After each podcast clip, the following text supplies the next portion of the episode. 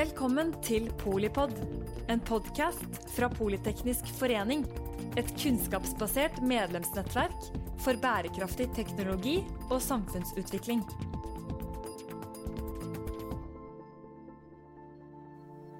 Velkommen til eh, Polipod, eh, Lars Erik Lund. Du er eh, konserndirektør i Veidekke, og du har eh, gått eh, offentlig med at du eh, har en depresjon som hjelper og, og ikke hjelper deg i jobben du gjør. Mm. Jeg er kjempenysgjerrig på å høre reisen din så langt. Mm. Det er ferskt ute, og, og vil gjerne du deler litt av erfaringene dine med våre lyttere. Mm. Nei, det vil jeg gjerne. Eh, tross alt de- delte så mye som jeg har nå. Så. Ja. Nei, altså jeg, jeg, jeg, jeg valgte da for en, ja, akkurat en uke siden i dag eh, å gå offentlig ut med en tekst som jeg hadde skrevet, som egentlig beskrev hvordan jeg hadde det, hvordan jeg følte det å stå opp om morgenen, hvordan jeg opplevde jobben, og hvordan jeg opplevde eh, egentlig deler av den skammen jeg føler når jeg liksom beskriver at jeg har en altså, mental, altså psykisk utfordring. Ehm, så, så la jeg det ut da på tirsdag, eh, med frykt for at noen, altså, ingen skulle lese det, eller ingen skulle bry seg. Ehm, og så har det jo vist at det har vært litt annerledes. Da. Ja. Mm. Det er jo eh, ikke så rart eh, når du spør eh, når du, Kanskje i ettertid, om du, du trodde kanskje ikke i forkant. Men det er jo en streng du treffer da, hos eh, veldig mange, kanskje nesten alle som jobber et sted, og, og sånn sett har en rolle på jobben som eh, ikke nødvendigvis eh, er den du får brukt hele deg selv i. da. Mm. Eller eh, Men, men eh, hvordan Hvordan kom du dit, på en måte? Ja, det, altså, vi kan jo ta det liksom kronologisk den historien som Mm. endte med at jeg faktisk valgte å, å skrive en tekst. Eh, og hvorfor jeg valgte å offentliggjøre den. Mm. Eh, og det, og det, jeg, jeg begynte jo med at jeg for et år siden traff eh, en veldig god venn som jeg har eh, hatt veldig lange og gode samtaler med, som for et år siden slet ordentlig med en, med med en dyp depresjon. Eh, og som, som en følge av det valgte å være offentlig rundt sin egen depresjon. Og jeg husker jeg stilte han spørsmål om, om hvorfor tar du ikke dette bare direkte med de det gjelder, altså de av oss som kjenner deg og sånne ting. Det var jo sånn jeg ble kjent med han faktisk. Altså, Jeg ble kjent med han fordi han valgte å legge det ut, og, og jeg fikk en altså, det, det traff jo noen strenger hos meg, selvfølgelig. Så vi, og så sa han det at det, årsaken til at han valgte å gå ut, var jo å, på en eller annen måte å kontrollere sin egen historie. Altså vite at eh, når jeg har sagt dette, så er det ingen som trenger å spekulere i om jeg er det. Eh, Så istedenfor at jeg går rundt og bruker masse hjernekraft på liksom å finne ut måter å beskytte meg selv for en, for en historie jeg ikke vil at skal synes, så slipper jeg det. Og så tenkte jeg det var jo en ganske klok eh, idé. Og så valgte jeg å snakke med, jeg snakket med ulike folk som jobber som psykologer eller andre, så, som, hvor, jeg, jeg fikk rådet da, med å skrive, skrive ut da, hva du tenker, hvis du syns det er vanskelig å forklare det. Så det gjorde jeg. Jeg skrev den teksten nesten sånn som den akkurat står nå. Eh, og ønsket mye på det. Og så er det sånn i Veidekke, vi er så heldige at vi i Veidekke, da, der vi jobber, der har vi noen av oss er mentorer for yngre, yngre medarbeidere. Eh, Og jeg var mentor for en jente som jobber hos oss, og det, jeg tenkte at ok, det er, kanskje jeg kan dele det med henne. Så jeg delte dette med henne, og det tok liksom to minutter tilbake og sa dette her må du dele, Lars Erik. Dette her må du liksom fortelle. Og så er det sånn, da, da, da, nå er vi ja, sikkert i mars-april en gang, og så sier Nei, vi er nok litt seinere. Og, så- og så fikk jeg nyss om at uh, Veidekke skulle ha en HMS-uke. Altså, det har vi vært i år. På vanlige HMS-uker i Veidekke så snakker vi ofte om eh, hvordan du skal ha på hjelmen, eller passe på å ikke gå under hengende last og sånne ting, som er liksom viktig å passe på kroppslig, da, altså somatiske type ulykker. Men i dette tilfellet så hadde de bestemt seg for at de skulle ta opp mentalhelse. Og når jeg da, teksten var der, eh, jeg liksom var eh, i prinsippet liksom tenkt at jeg, skulle offentliggjøre den, og så var det sånn at denne, helt denne uka kom, så kunne jeg jo ikke stå på HMS-uken liksom med alvorstyngde og si at det er veldig viktig at vi er åpne om mental helse, og så vite min egen historie.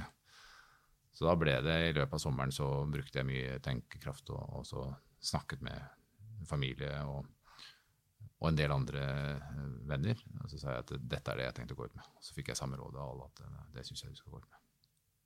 For det er jo ikke minste motstandsvei, da. Det startet litt med at det var enklere at eh, alle visste, på en måte. Så slapp du å Det har jo generert en voldsom oppmerksomhet og, og nesten forventningspress, vil jeg tro, på å skulle ha være den ene i Norge som sier at næringslivet har eh, også folk som eh, ikke er sånn eh, lykkelige mm. Eh, mm. fra morgen til kveld, da. Ja, ja. Nei, det kan godt det, mm. altså, det, er jo ikke veldig mange som, av, av, uh, som har en sånn fått muligheten i en sånn jobb som jeg har, som er offentlig med det. Men det er jo noen andre. altså Kjell Magne Bondevik var vel klar for at han, han hadde utfordringer. Eh, og så har det vært noen sånn toppadvokater og sånne ting som også har snakket om sine, sine utfordringer. Mm. Så jeg er jo ikke den eneste. Men, men, men, jeg tror kanskje det som Nå skal jeg gjette, vill gjetting, så tror jeg at det som gjør at eh, innlegget har en appell hos flere enn bare en veldig liten, snever gruppe som liksom lider av depresjon, mm. det er at jeg beskriver et veldig bredt spekter. Altså alt fra liksom, dyp depresjon hvor du liksom ikke orker å gå ut av sengen, til egentlig det, helt ordinære liksom sånn jeg er litt jeg er redd for hva andre syns om meg på jobb, mm. og jeg tør ikke å være ærlig om det. Så jeg har fått tilbakemeldinger fra alt, alt mulig rart. Mm. Altså, alt fra de som virkelig trengte dette og sliter med, med utfordringer, til, til, andre. Så det er liksom hele spekteret. Ja, og, og, når du treffer så mange, så er det jo, tenker jeg, også det Dette med at jeg så gjerne vil være meg selv. Når, eh, og, og, ikke måtte på en måte mm, gjøre meg til. Mm. Um, og jeg vil så gjerne at uh, det er både bra nok, mm. og at uh, du uh, tar meg for det jeg er, da. Mm. Det er jo sikkert ja, Det er ikke noe hokus pokus at de fleste mennesker egentlig ønsker å få lov å, å være seg selv. Mm. Men, men, hvordan um, Og det står jo veldig respekt, tenker jeg, av en arbeidsgiver som, uh, mm. som For det er jo litt sånn uh, noisy, da.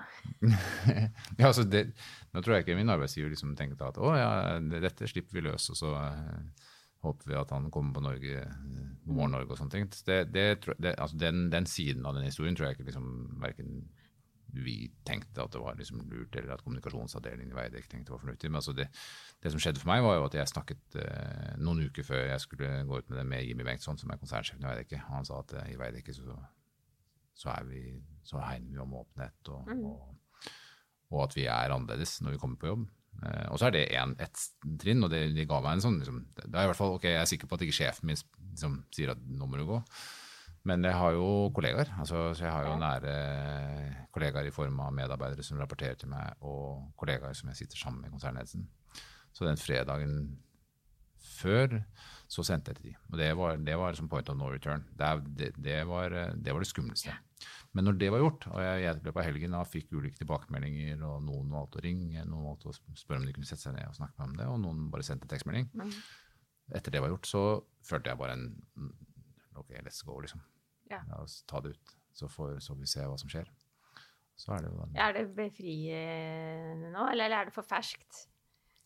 Ja, Enn så lenge så er det befriende. Altså, skal, altså dette her har jo en eh, På et eller annet eh, I løpet av tirsdag kveld så var jeg sånn Oi, det, dette er kjempespennende. Og det, vi fikk henvendelser fra ulike medier som gjerne ville snakke med meg. og det var liksom mm. veldig sånn Og du blir liksom opphengt i oppmerksomheten. Det er jo mm du velger ikke å bli konserndirektør hvis du ikke også liker litt oppmerksomhet. Mm. Det er ingen som gjør det for å gjemme seg bort, liksom.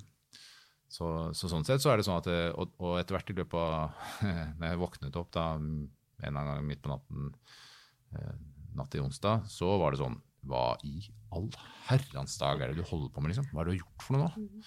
Fordi er, er, det nå liksom sånn at du tenker at dette her gjorde jeg Jeg ofret liksom mitt eget liksom, mentale bilde for å få en annen oppmerksomhet. Og så eh, åpnet jeg litt av hva Og fikk, hadde et kjempefine samtaler med noen journalister både i, i, ulike andre medier som var veldig, veldig gode. Og så skjønte jeg at dette her er jo ikke bare mitt problem, dette er jo et samfunnsproblem. Mm. rett og slett. Og da, da, blir, jo, da, da blir, jo, intensjonen liksom snudd fra at jeg både får, jeg, får litt jeg, jeg, mener selv at jeg får en bedre mental helse av å være åpen, men jeg tror også at uh, jeg, jeg, ser at det er en verdi. Da. Altså jeg, har, jeg har fått noen takksigelser som nesten liksom, du, du, Det blir veldig, veldig spesielt. Ja. Mennesker som sier at dette har reddet liksom, dagen. Du, dette er veldig veldig viktig for meg. Jeg tør ikke å si det offentlig, men dette er viktig. Mm. Altså, det er et gammelt uh, ordspråk om at ærlighet uh, varer lengst, da. Men, uh, men det, det, det, det, appellerer jo ekstremt når noen gir et sånn Jeg skal si både dagligdags mm. og hverdagslig på en måte samkontekst. Det, er ikke en, du går ikke ut med en lærebok eller noe sånt. Du, du beskriver antageligvis den hverdagen veldig mange har på en eller mm. annen måte. kan være noe annet man mm. bærer med seg. Men mm.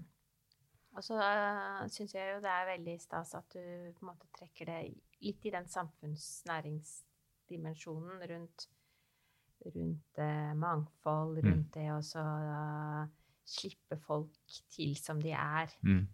Uh, og ikke bare fordi det lønner seg, liksom, mm. men fordi det er det, vi, det er det, det er å være menneske, da. Mm. Men, um, men uh, hvordan går det an å se seg selv og bruke seg selv i en sånn uh, si, større samfunnssetting? Det ja, krever mye, vil jeg tro. Ja, ja, det Nei, jeg vet ikke enn så lenge. Jeg, jeg, tenker at ja, det krever nok litt. Altså, jeg, liksom, det, jeg, har jo, jeg, har jo, jobbet som, som både kommunikasjonsrådgiver og kommunikasjonsdirektør mm. i, i, mange år, så jeg har jobbet med ulike mennesker som, i deres mediesetting. Det, og, jeg, der er det alltid litt sånn nerver, fordi du, liksom, du snakker jo på vegne av noen andre. Mm.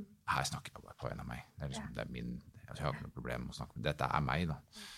Men når vi, vi, trekker det fra min historie altså Nummer én, hvis Lars-Erik Lund, eh, konserndirektør, ikke depresjoner i det hele tatt, hadde sagt om nå syns jeg vi skal jobbe med eh, mental helse, så er det, det, det tror jeg hadde vært et blaff i luften.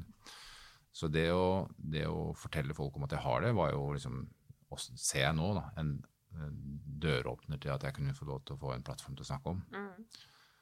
Og det var viktig for meg. For mm. jeg har jo selv opplevd, enten jeg var 26 år gammel og liksom nyutdannet siviløkonom til jeg er 52 år gammel nå og har den rollen jeg har i dag, så tror jeg jo på et, eh, på et litt annet arbeidsliv enn det vi opplever i dag. Ja. Og jeg, det, du nevnte ordet mangfold. Jeg, jeg, vi har jo snakket, vi snakket om det mm. også i forkant av, av, av sendingen. Men, men uh, Veidekke har jo dette temaet mangfold. Vi er jo en næring som eh, er veldig mannsdominert. Eh, på godt og vondt, da. Eh, mest så tror jeg det er lurt å bli mer mangfoldig. Men vi har altså, altså rundt 7000 menn og 1000 kvinner ansatt i verket. Og mangfoldsdiskusjonen har sporet av. Den har sporet av i en retning der vi snakker om at det skal være et business case bak det å være mangfoldig. Eh, og jeg tror et av de spørsmålene man skal stille seg da, det er at hvis det ikke var et business case, hvis det faktisk ikke leder til lønnsomhet, ville vi, ikke, ville vi liksom droppet å jobbe med mangfold da? Og da er jo svaret at det vil vi jo ikke. Okay, så det ligger en prinsipiell, altså eh, på engelsk 'intrinsically', da, en iboende verdi i faktisk å være mangfoldig, som ikke har noe med lønnsomhet og business å gjøre i det hele tatt. Eh, og så lager vi en masse barrierer for hva skal til for å bli mangfoldig. Liksom, nei, det er så få som utdannes innenfor dette fagfeltet. Og da blir jeg også litt sånn frustrert, for jeg tenker at det, det er jo ikke universitetenes ansvar å sørge for at du liksom, utdanner tilstrekkelige mennesker innenfor bygg- og anleggsbransjen. Det er jo vi som er ansvarlige for å sørge for at det er attraktivt for alle som har lyst til å jobbe i bygg- og anleggsbransjen, som vil gjøre det attraktivt å studere. Du må ha et trinn videre eh, foran. Eh, og det siste argumentet i forhold til hele dette her, som jeg tror kan, min stemme kan også være, det er at eh, istedenfor å sitte og vente på at vi faktisk er blitt mangfoldige, representert ved tall på høy andel av kvinner eller eh, andre former for tall, så kan vi jo starte nå. Uh, og da tror jeg du må starte med å, skape den arbeidsplassen og begynne med å si at uh, aksept for ulikheter må være lov. Og ulikheter kommer i mange former. En av de er det jeg har, og det er at jeg har et, en, en en mental utfordring, altså en, en psykologisk utfordring i forhold til depresjoner.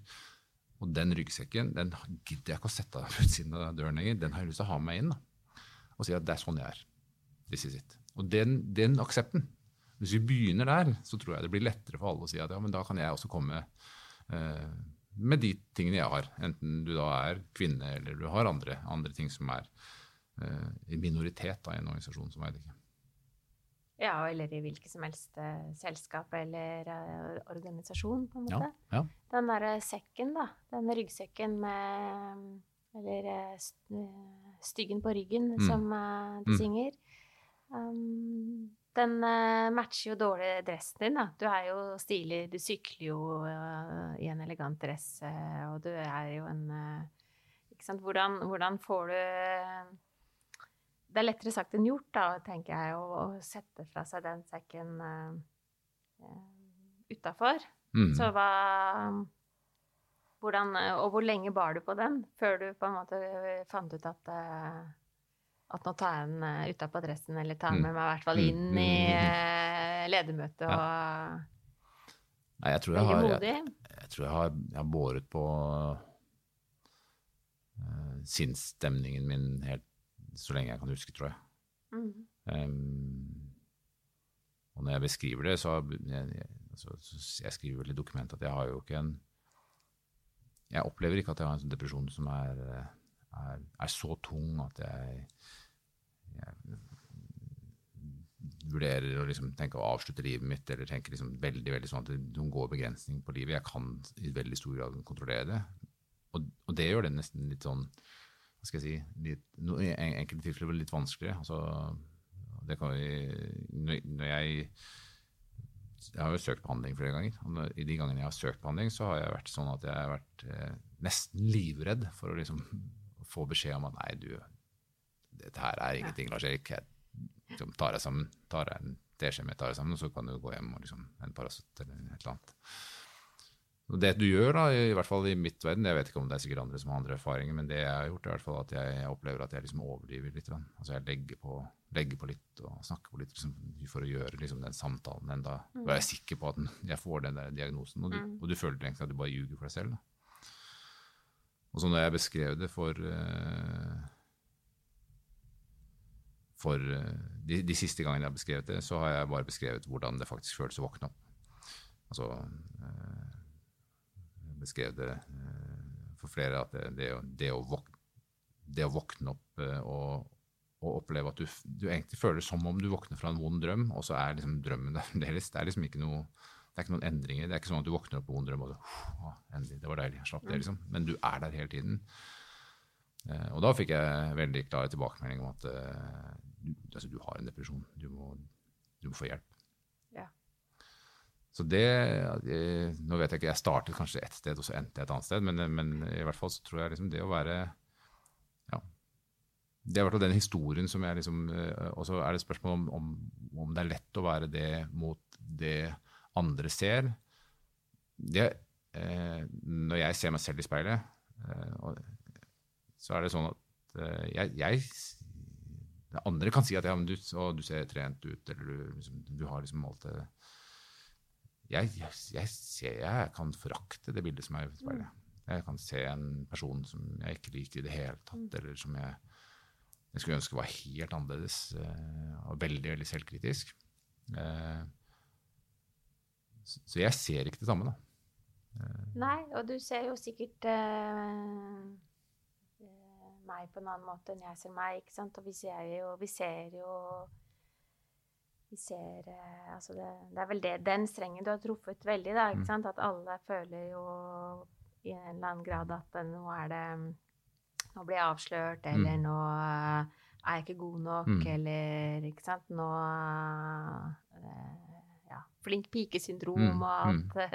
Det har jo et ord til og med. Altså. Det fins jo et navn for dette. ja. Eh, Så det, På engelsk så heter det imposter syndrome. Det er jo Ja. et veldig, det er veldig vanlig hos mange som har det. Tror jeg kanskje at menn i større grad tar på seg rollen og så er redde for å bli avslørt, mens kvinner isteden velger å ikke ta den på seg i frykt for å bli avslørt. Men, det, men det kan være at det er liksom ulike Jeg tror man velger liksom ulike måter å, å håndtere det på. Men det er en kraft i det òg, da. ikke sant? Det er jo en kraft i forhold til at du, det du har Alt det du har fått gjort og fått til og betydd. Eh, ikke sant? Ved at du har vært eh, vært så frampå, og vært eh, så flink, ikke sant. Det er jo Ja, Og så har det kostet det- personlig, da. Ja. ja, det er jo fremdeles sånn at jeg, jeg altså Det er jo ikke sånn at jeg nå offentliggjorde dette her, og nå er jeg kvitt alle liksom, fryktene for at Nei. folk liksom ser meg og skjønner at eh, han er jo kjempeteit, liksom. Det gjør jeg, Sånne gjør, vurderinger gjør jeg til daglig. Jeg kan sitte i en, eh, en sal da, med andre mennesker, enten jeg er på studie eller jeg er liksom andre steder, liksom, og tenke at okay, dette har jeg lyst, egentlig lyst til å si noe om. Og så liksom gjør du den kalkulasjonen veldig veldig raskt i hodet og tenker at hm, jeg lurer på hvis jeg sier dette her, Nei, da kan jeg bli avslørt som litt sånn tjukk i huet, så det lar jeg være. Og så lar man være. Eh, og det, det tror jeg veldig mange gjør. Eh, Alternativt, at man, hvis det er en ordentlig dårlig arbeidsgiver, så, så er det sånn at det, dette har jeg lyst til å si noe om, men jeg er redd for å få represalier hvis jeg gjør det. Altså at du blir kritisert for det, spesielt hvis du går imot beslutninger eller ideer eller, eller presentasjoner til ledere. Da. Det er der det personlige møter det organisatoriske, kanskje, da. I forhold til Mm. å, å faktisk bruke den kraften folk har, eh, men som eh, av ymse grunner ikke, ikke kommer ut, da. Mm. Fordi eh, å, å klare å, å, å se så mange ansatte for den de er, og, og legge til rette eller, eller bruke, Mm. eh, avhengig av hvilken måte du ser det på, i, til både bedriftens og, og enkeltpersoners beste. Det er jo en Der eh, håper jeg at vi kommer til å få høre mye jeg vil si nesten råd fra deg i forhold til, eh, til å være så ærlig på hvor eh, skoen trykker, da. Det er jo det som Mm. eh, Jeg vet ikke hvor mange tusen som har eh, respondert, men det må jo være en, en avgjørende faktor for um, eh, forbedring. Det, det at du nå uh, har gitt alle egentlig en stemme da, rundt, uh, rundt det å få lov til å bruke seg som man er, og være god nok som man uh, er, som jo stort sett er mer enn bra nok. Mm. Ja, ja. Altså, så tror jeg ja. har du lyst til at Altså, har du, har du lyst til liksom Har du fått noe sånn ønsker selv nå, som du ikke hadde før du, før dette, før du var ute, liksom? Altså, jeg, har, jeg har jo fått uh, veldig mange tilbakemeldinger. Ja. Jeg tror liksom, Hvis jeg skulle talt over antall e-poster, SMS-er og Messenger og Instagram-poster og LinkedIn og sånne ting, så tror jeg det hadde liksom vært mange, mange tusen. Så jeg har jo knapt nok klart å lese en, Mm. en liten brøkdel av de. Men det, det jeg klarer å lese, da, som er eh, ofte de som er direkte liksom sendt meg, det er jo at eh, jeg det er, så, det er kjempebra, Lars Erik. Det er, jeg vil også gjerne være det, men det tør jeg ikke. Mm. Det, jeg tror ikke min bedrift har, har sånn åpenhetskultur, eller at min sjef vil akseptere det. Og dermed så er jeg redd for hva som skjer med min stilling dersom jeg forteller at jeg sliter enten med depresjoner, eller bare at jeg liksom syns det er vanskelig innimellom.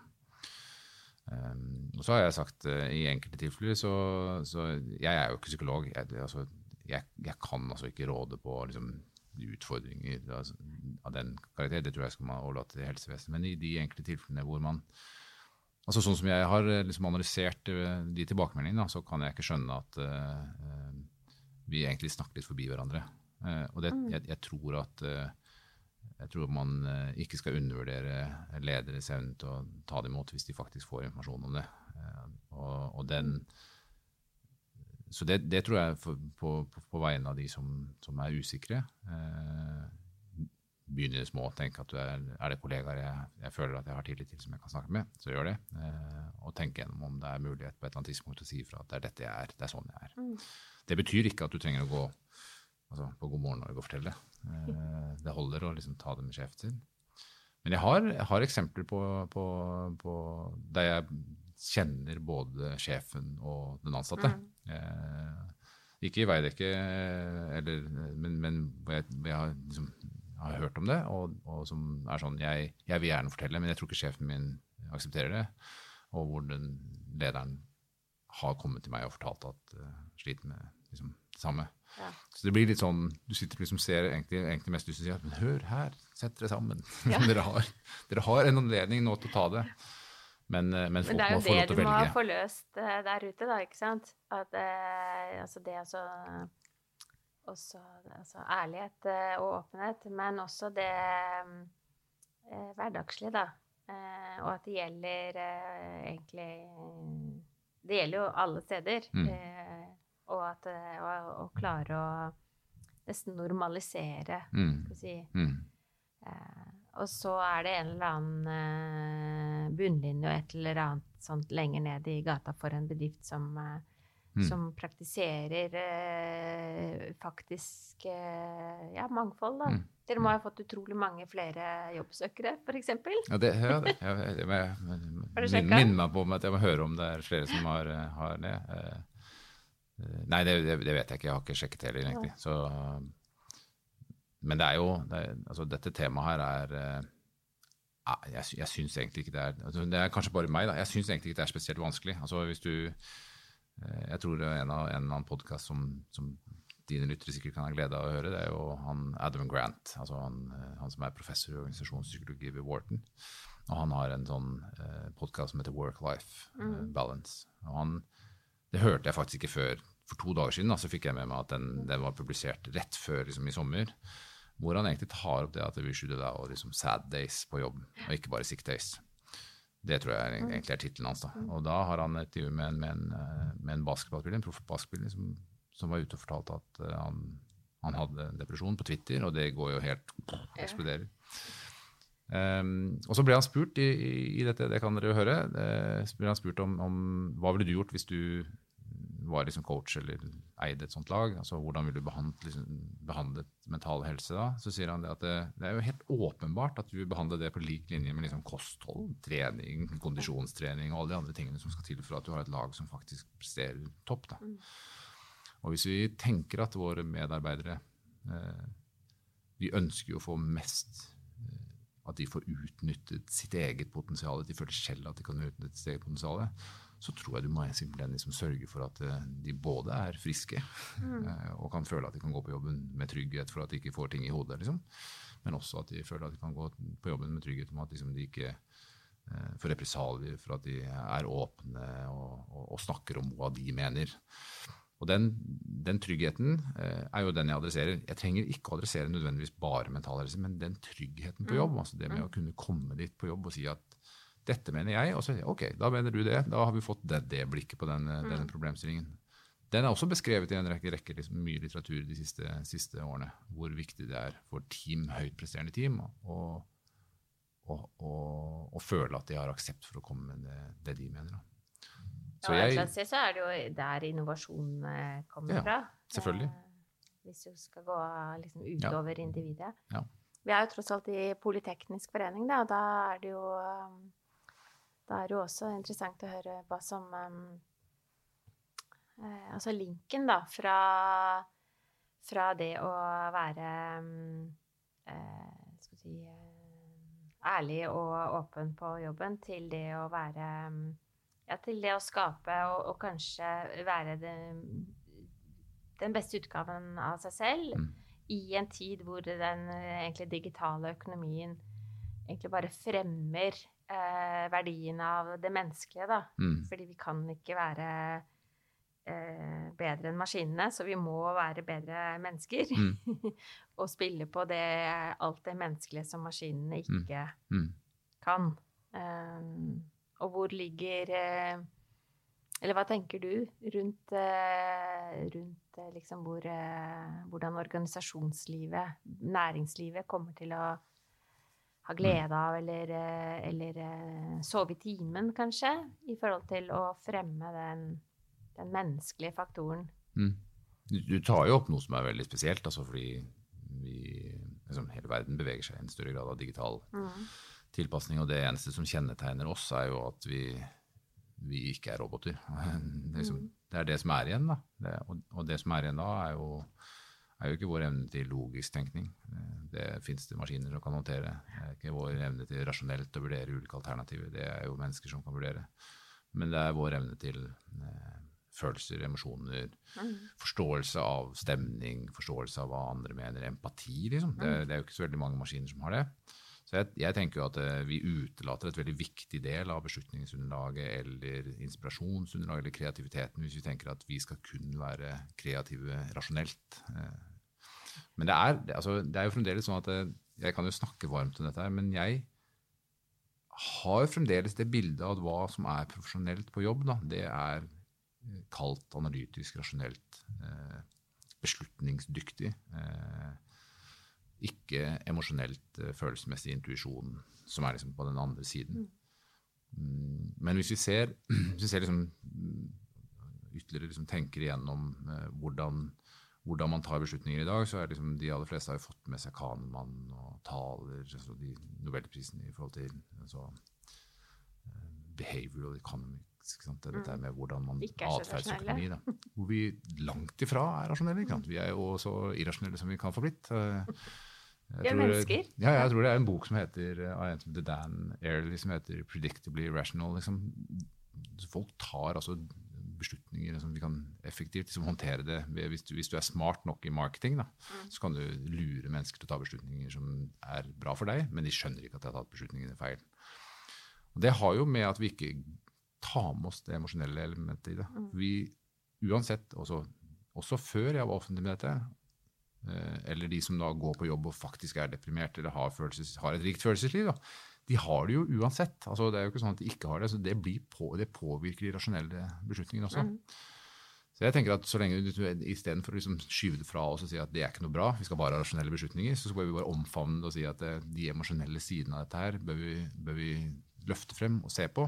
Sammen med de rasjonelle argumentene så får vi jo bedre beslutninger. Eh, og det andre er at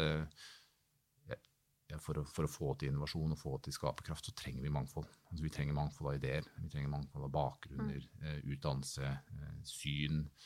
Eh, jeg tror vi Jeg har brukt selv, da, i hvert fall internt hos oss, at ideer burde være som pinjataer som liksom kan slå på fra ulike sider for å se om de faktisk holder, holder på godteri, eller om de faktisk bare faller fra hverandre. Så kan vi la det være. Så, så det må være lov å liksom se og diskutere fra ulike ståsteder en idé om den har livets rett eller ikke. Og det er liksom i hvert fall min verden. Da. Det veldig mye ideen rundt, rundt det med, med, kreativitet og muligheten til liksom, hvor, hvor kan vi komme fra og komme til. Ja, sad days og bad days og, og, og happy days. Ja, ja, ja. Men um, du sa du er 52, da. Det er jo um, du er kanskje akkurat halvveis da, i uh, yrkeskarrieren, uh, ikke sant? Har du Og jeg må si jeg syns det var modig å ta et sånt um, oppgjør, da, uh, nå. Og så er det, er det en, en, spennende fremtid um, som venter. Og du har, du har fått litt sånn stafettpinnen, kanskje, da, i forhold, eller tatt den, mm. i forhold til å, å gjøre det enklere og få mer ut av eh, mm. både ansattes eh, mangfoldighet og skape verdi hos eh, den enkelte. Er det, er det, litt ferskt nå, men, men, er du en annen Lars Erik i neste KL-møte, eller er det Hvordan, Nei, jeg er ikke det. Eh, men jeg tror, jeg tror, ikke jeg personlig føler ikke at jeg er en annen Lars Erik.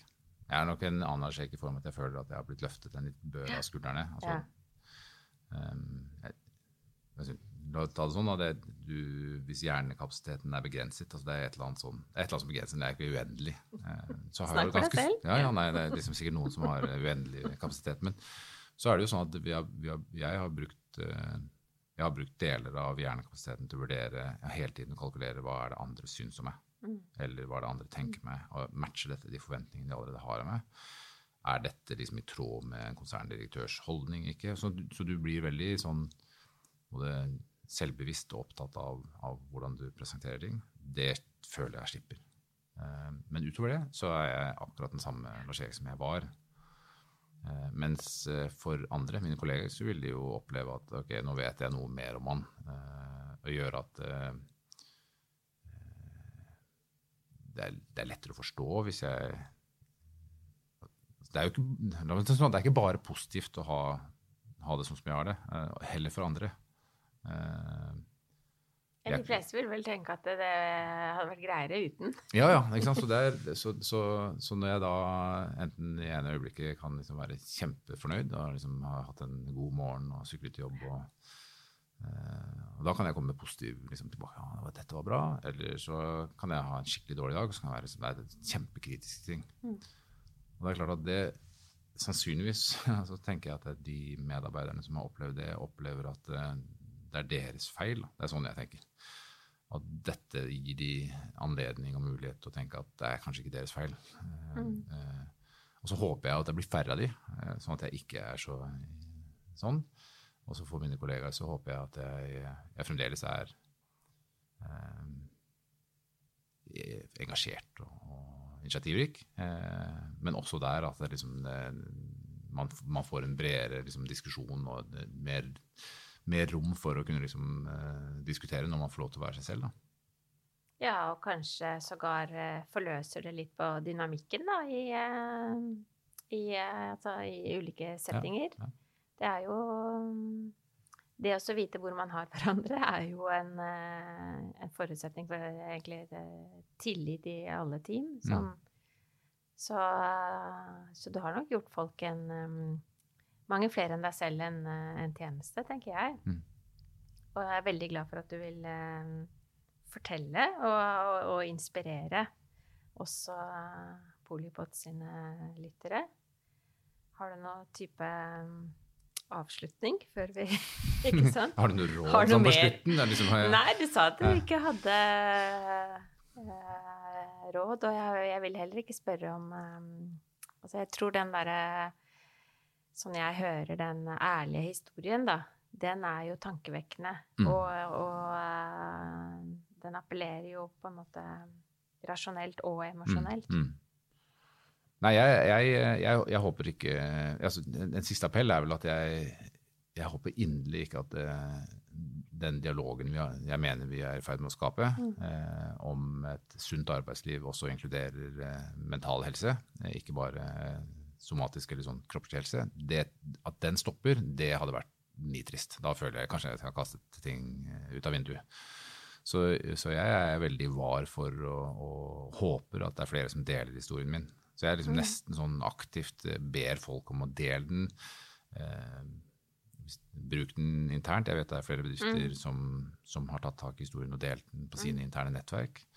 Jeg vet det er ledere som har tatt og delt den eh, eksternt. Eh, men det liksom viser også både støtte og, og lyst til å diskutere det. Mm. Og det håper jeg vi fortsetter med. at det ikke liksom ender her. Så, så, så min mission fremover er jo at eh, jeg én skal skape mer energi og kapasitet og gjøre den jobben jeg gjør i dag. eh, Som jeg gleder meg til å gjøre hver dag. eh, Med ryggsekken min. Og så at jeg også får lov til å være, være med og, og løfte dette temaet igjen. Eh, Fordi det å være konserndirektør i et eh, eller i et virksomhetsselskap og ha en sånn type tittel er et privilegium. Og det privilegiet følger et ansvar. Og det er klart at eh, du får med deg en ropert. Eh, og den roperten har jo ikke alle ansatte i, i Veidekke eller noen annet sted til å liksom si at jeg også har mentale utfordringer, og så får du egentlig ikke så veldig mye oppmerksomhet rundt det. Så det at jeg har tittelen konserndirektør, gjør jo at jeg får en ropert jeg kan rope høyere med. Og den har jeg tenkt å bruke. Eh, både i Veidekke-sammenheng, men også utenfor Veidekke. Det er jo til stor eh, nytte, til stor eh, glede for langt utenfor dine egne sfærer. Så det, dette er en debatt som helt sikkert kommer til å påvirke den nye, den nye normalen i arbeidslivet også, hvor, hvor det med teknologi og annet burde egentlig være mye lettere å, og legge til rette for at eh, alle mulige folk med alle mulige eh, varianter av, eh, av gode og dårlige dager på en måte har, eh, kan spille en Kan jobbe og delta og, og gjøre eget liv og, og næringsliv og verden for øvrig litt grann bedre. Mm. Så eh, igjen, tusen hjertelig takk, Lars Erik Lund, for at du har gått på banen og, og står for eh, og deler og inspirerer med en eh, personlig historie som betyr noe langt utover, eh, utover din egen verden. Tusen takk for at dere ble invitert. Så håper jeg da at du som lytter der eh, ute, uh, kanskje blir, får litt inspirasjon selv, og helt sikkert uh, har kollegaer og, og venner som, som kan dra tematikken eh, videre i dine egne hverdager. Så takk for at du hører på. Takk for at du lyttet til Polipod fra Politeknisk forening. Få med deg flere episoder, eller bli med på nettverksmøtene som du finner på at polyteknisk.